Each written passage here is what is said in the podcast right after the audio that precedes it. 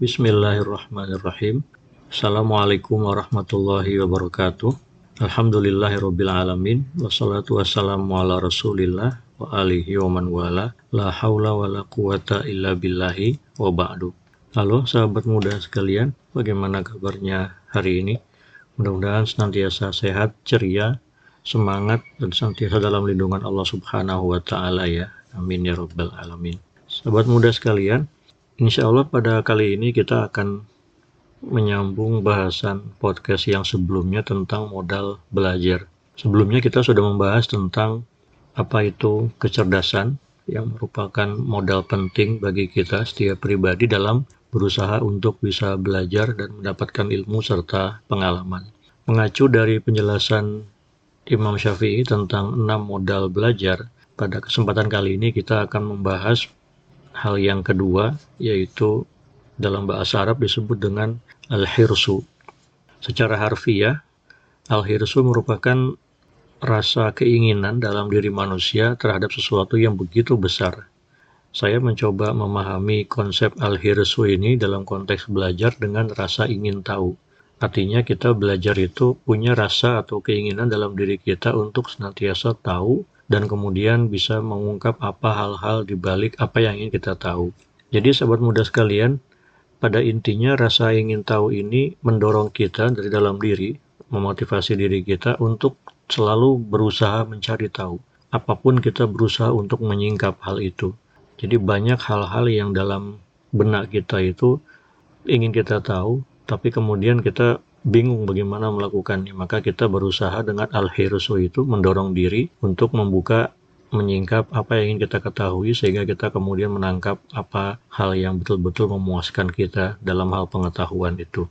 Sahabat muda sekalian, rasa ingin tahu atau al-hirsu ini sebetulnya juga berkaitan dengan kecerdasan. Orang-orang yang dalam tanda kutip ya cerdas itu pasti dalam dirinya ketika belajar selalu ada rasa ingin tahu terhadap uh, apa pun, khususnya hal yang dia pelajari. Sehingga dengan begitu, dirinya merasa betul-betul ingin sampai kepada pengetahuan yang lebih luas. Uniknya lagi, saat kita belajar dan fokus, biasanya kita sering kali sampai kepada satu titik di mana saat kita membuka satu hal, itu banyak pintu untuk bisa masuk ke hal-hal lain yang lebih banyak. Saya sering menemukan pengalaman ini misalnya ketika mencari sebuah artikel ilmiah tentang satu bahasan ya, atau topik begitu. Ketika dapat, saya membuka daftar pustaka atau referensi yang terdapat dalam artikel itu di bagian bawah biasanya ya. Dan ternyata satu poin penting yang saya cari banyak hal yang terungkap dari situ. Ternyata buku-buku atau referensi yang terkait dengan topik itu ternyata lebih uh, lebih banyak lagi bisa ditemukan melalui hal-hal seperti tadi pada artikel ilmiah misalnya. Nah itu sering kali mendorong kita untuk membuka, mencari, membuka, mencari dan seterusnya. Dengan begitu kita pastinya tidak akan pernah sampai kepada proses akhir sebetulnya. Selalu berkaitan dengan oh ada lagi, ternyata ada lagi. Pada akhirnya kita bisa menyimpulkan ternyata hal yang ingin kita ketahui itu merupakan sesuatu yang sangat luas. Topik yang ingin kita cari itu bukan merupakan hal yang sempit, tapi setelah ketemu celahnya, ketemu clue-nya, oh ternyata isinya tuh luar biasa. Banyak hal yang bisa kita tahu dari situ dan kita ketika semakin membuka lagi, buka artikel satu lagi, dilihat referensinya, banyak lagi referensi yang penting dan terkait dan seterusnya. Jadi Al-Hirsu itu mendorong kita untuk senantiasa tahu dan berusaha mencari tahu apa pun yang kita ingin tahu. Dan uniknya rasa ingin tahu ini sebetulnya secara manusiawi tidak pernah membuat kita puas. Orang yang punya semangat atau niat belajar tinggi itu tidak ada mengenal kata puas ya. Semua bisa dicari, semua bisa dijangkau. Maka rasa ingin tahunya itu betul-betul uh, tidak bisa berhenti. Dalam bahasa yang sederhana, kita dalam bahasa Indonesia punya kata penasaran. Jadi orang yang rasa ingin tahunya tinggi itu bawaannya penasaran terus. Ini kenapa, itu bagaimana, kok bisa, apalagi dan seterusnya. Satu hal sahabat muda sekalian, ini sebetulnya eh, bagus-bagus saja dalam konteks belajar ya. Cuma memang nanti pada akhirnya kita harus mengakui kadang-kadang rasa ingin tahu itu netral, kadang-kadang juga rasa ingin tahu itu liar. Jadi apa pun kadang-kadang yang kita bahkan nggak perlu sekalipun, kita malah sering kali berusaha pengen tahu. Ya, oleh karena itu, kita perlu berhati-hati dan mengarahkan supaya rasa ingin tahu itu hanya ya semata-mata diarahkan kepada hal-hal yang positif, pada ilmu pengetahuan yang ada gunanya, ada manfaatnya dan ada nilainya bagi diri kita. Memang kadang-kadang tidak ada salahnya sih kita tahu hal-hal yang misalnya yang naif, hal-hal yang buruk. Memang kadang-kadang kita justru harus belajar dari hal-hal yang buruk. Kita harus tahu hal-hal yang tidak baik supaya kita tahu mana yang baik. Namun demikian, kadang-kadang kalau orang sudah tahu biasanya pengen mengalami. Nah, ini yang perlu dikendalikan. Saat manusia misalkan ingin tahu tentang hal yang buruk, bahkan tentang apa ya, tentang korupsi itu tentang mencuri. Korupsi itu apa ya dicari definisinya. Bagaimana orang korupsi? Oh begitu. Ya setelah tahu, justru ketika hal itu memberikan pelajaran, kita jangan melakukan korupsi. Justru yang menghindari korupsi. Jadi bukan malah setelah tahu korupsi itu apa, lalu kita mencobanya. Wah itu jangan sampai. Memang kadang-kadang batas kesadaran manusia itu ya berbeda-beda ya. Ada orang yang justru merasa lengkap pengetahuannya dengan mengalami. Ya konyol juga sih setelah tahu misalkan korupsi itu apa lalu dia berusaha korupsi dan pada akhirnya manusia kadang-kadang menyesal kalau justru sudah jatuh terjerembab jatuh terhempas dan kena hukuman. Nah itu kan jadi penyesalan. Itu yang tadi saya maksud kenapa memang rasa ingin tahu perlu dikendalikan karena orang kalau sudah tahu hal yang negatif dan bawaannya ingin mencoba, ya nanti kalau ada apa-apa dia menyesal sendiri. Jadi katakan hal-hal yang buruk itu cukup diketahui tapi jangan pernah di, dilakukan, jangan pernah dicoba. Seperti kita misalnya nonton acara TV kalau dulu pernah ada istilahnya yang smackdown itu ya gulat bebas. Nah sekarang juga ada kompetisi gulat kan sering kali dalam tayangan-tayangan benar kekerasan seperti itu ada tulisan di layar TV don't try this at home. Jangan pernah mencoba hal ini di rumah. Ya, itu berarti bahwa memang apa yang kita lihat apa yang kita tayangkan dan apa yang ditayangkan dan kita tahu itu sebetulnya kan ya cukup kita tonton jangan ditirukan. Bayangkan betapa bahayanya kalau anak kecil menonton seperti itu dan dia mencoba ya kan fatal akibat. Memang hal itu bermula dari rasa ingin tahu Rasa ingin tahunya bagus, positif saja, tapi ketika mencoba hal buruk, nah risiko akan dihadapi. Maka kita harus berhati-hati dalam mengelola rasa ingin tahu itu. Saya katakan tadi, rasa ingin tahu itu netral, ya dia bisa mengarah kepada hal-hal yang baik, hal-hal yang buruk, dan apa pun, semua bisa dijangkau sebetulnya. Jadi al-hirsu itu bisa membawa kita kepada semua hal. Tapi ketika kita menyadari bahwa al-hirsu itu membawa kita kepada sesuatu yang buruk, nah kita harus pasang ya perisai diri, proteksi. Jangan sampai hal yang buruk itu malah kemudian menghantui kita, mengganggu kita, malah menjerumuskan kita kepada hal-hal yang negatif. Naudzubillah dia. Sehingga dengan demikian kita harus berusaha kuat untuk mengelola rasa ingin tahu dan mengarahkannya hanya kepada hal-hal yang positif saja. Baik, sahabat muda sekalian, sekarang bagaimana mengelola atau mengarahkan rasa ingin tahu? Ya, biasanya orang yang selalu ingin tahu itu selalu punya pertanyaan karena penasaran tadi itu ya. Saya menggunakan yang paling mudahnya nih, istilahnya wartawan. 5W, 1H. Apa 5W itu? What, dalam bahasa Inggris ya. What, who, when, where, why, dan terakhirnya how. What, apa? Terus kau bertanya, apa sih? Apa sih itu? Apa yang terjadi, ada apa. Nah, itu kan biasanya what ya, pertanyaan yang diawali dengan apa. Jadi rasa ingin tahu itu bisa kita arahkan dengan apa. Misalkan kalau kita belajar di apa sebuah buku misalnya ada definisi apa itu yang disebut dengan nah itu kan berkenaan dengan what yang kedua who biasanya kalau dalam karya ilmiah itu ada penulis lalu kita mencari sebuah referensi yang ditulis oleh siapa. Nah kita cari siapanya itu. Atau kalau menyangkut sebuah peristiwa kita biasanya berkaitan dengan siapa yang terlibat dalam peristiwa itu. Nah pertanyaan itu berkenaan dengan who siapa yang ada atau terlibat dalam konteks yang mau kita ketahui. Oke okay. what who sudah when kapan. Kalau menyangkut peristiwa ya kita pasti berkenaan dengan kapan peristiwa itu terjadi. Ya waktunya, terminnya, berapa lama, berapa waktu, ya. Setelah when ada where. Where itu di mana? Sama peristiwa juga berkenaan dengan di mana kejadian itu. Kalau buku di mana terbitnya buku itu. Kalau teori di mana dikembangkannya teori itu misalnya ya. Dan seterusnya. Yang kelima, W yang kelima adalah why. Kenapa?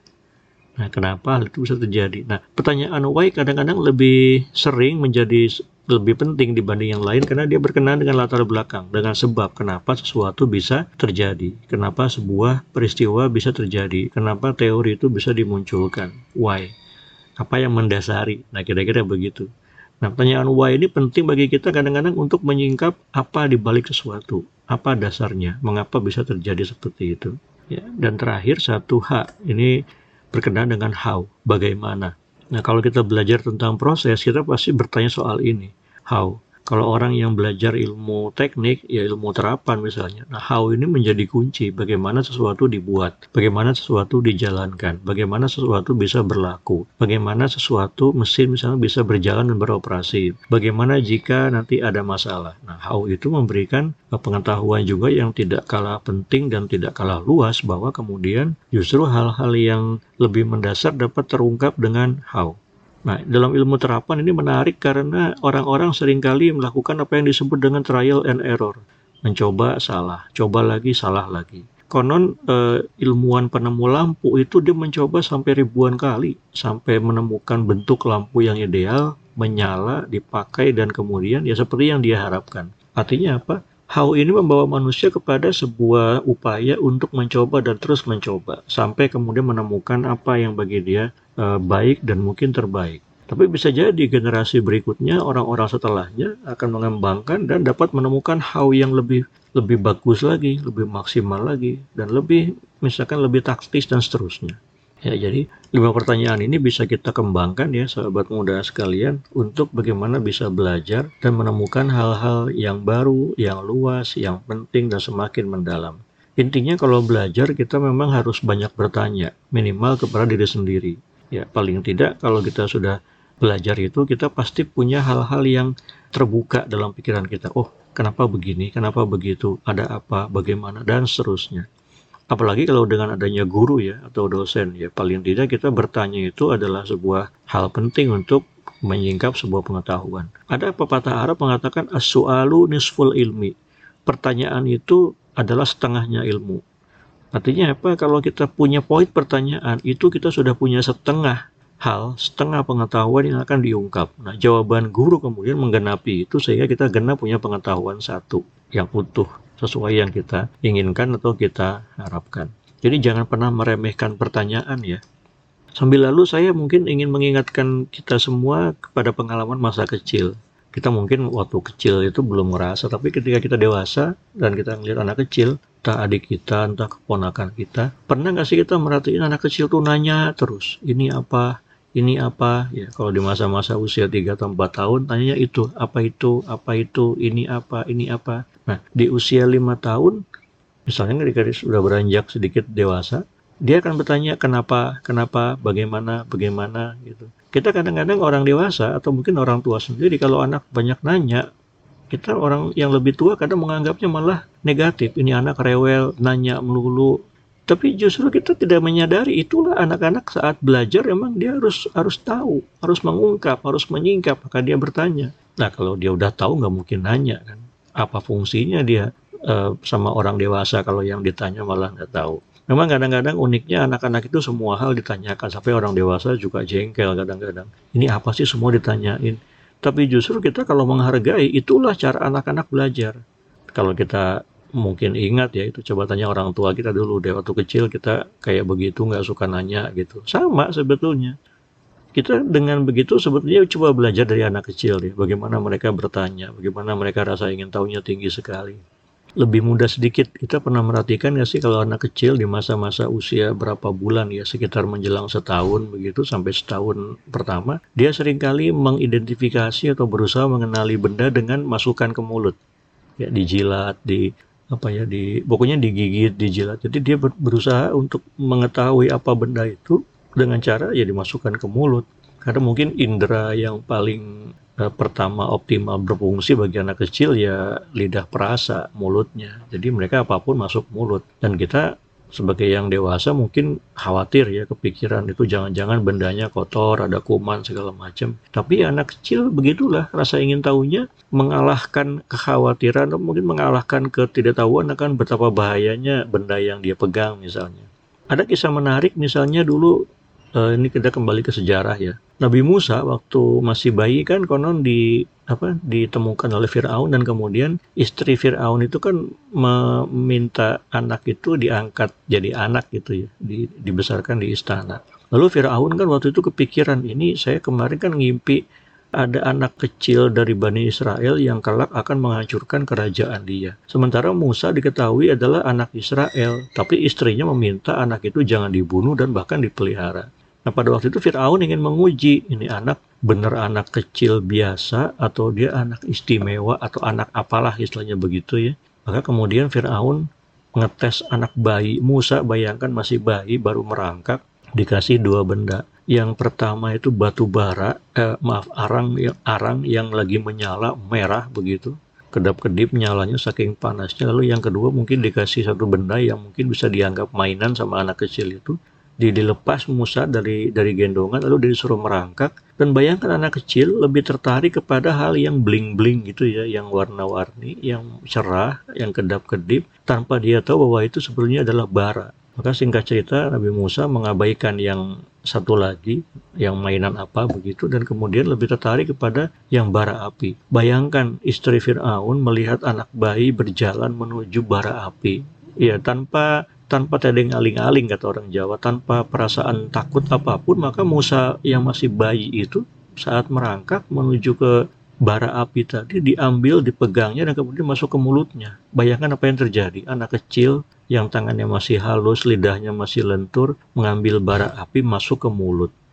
Itulah singkat cerita kenapa konon Nabi Musa itu tangannya hitam dan lidahnya itu keluh kalau bicara agak kurang bagus artikulasinya ya mungkin karena peristiwa bayi itu. Tangannya hitam karena pernah megang bara api ya. Sehingga uh, kan Al-Quran menyebut Nabi Musa itu mukjizatnya ketika tangannya masuk ke saku lalu berubah putih.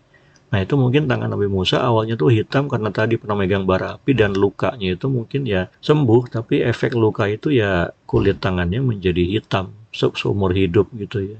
Nah, ketika Nabi Musa masukkan tangan itu ke saku bajunya, pas keluar jadi putih. Itu yang kata Allah merupakan mukjizat. Lalu yang kedua ya, kenapa Nabi Musa berdoa kepada Allah, Rabbi syurah li sadri, wa li amri, wahlul uqdatam bil. Ya Allah, hilangkan kekakuan, hilangkan kekeluhan lidahku. Mungkin itu karena efek dulu waktu kecil dia makan bara api atau memasukkan bara api ke mulut sehingga mungkin ya secara fisiologis lidahnya terganggu dan kalau bicara mungkin artikulasinya jadi kurang bagus. Sahabat sekalian itulah kira-kira gambaran ya tentang bagaimana rasa ingin tahu al-hirsu yang menjadi modal kita untuk belajar yang saya coba arahkan pengertiannya kepada rasa ingin tahu sehingga dengan demikian kita betul-betul bisa memaksimalkan modal itu untuk belajar pengetahuan dan pengalaman yang berguna bagi kehidupan kita sehari-hari. Baik sampai di sini dulu bahasan podcast kita tentang eh, modal belajar yaitu rasa ingin tahu. Mudah-mudahan ada manfaatnya bagi kita untuk modal belajar kita di kemudian hari. Amin ya rabbal alamin. Sampai sini dulu ya. Kita jumpa lagi di podcast yang berikutnya. Terima kasih. Wassalamualaikum warahmatullahi wabarakatuh.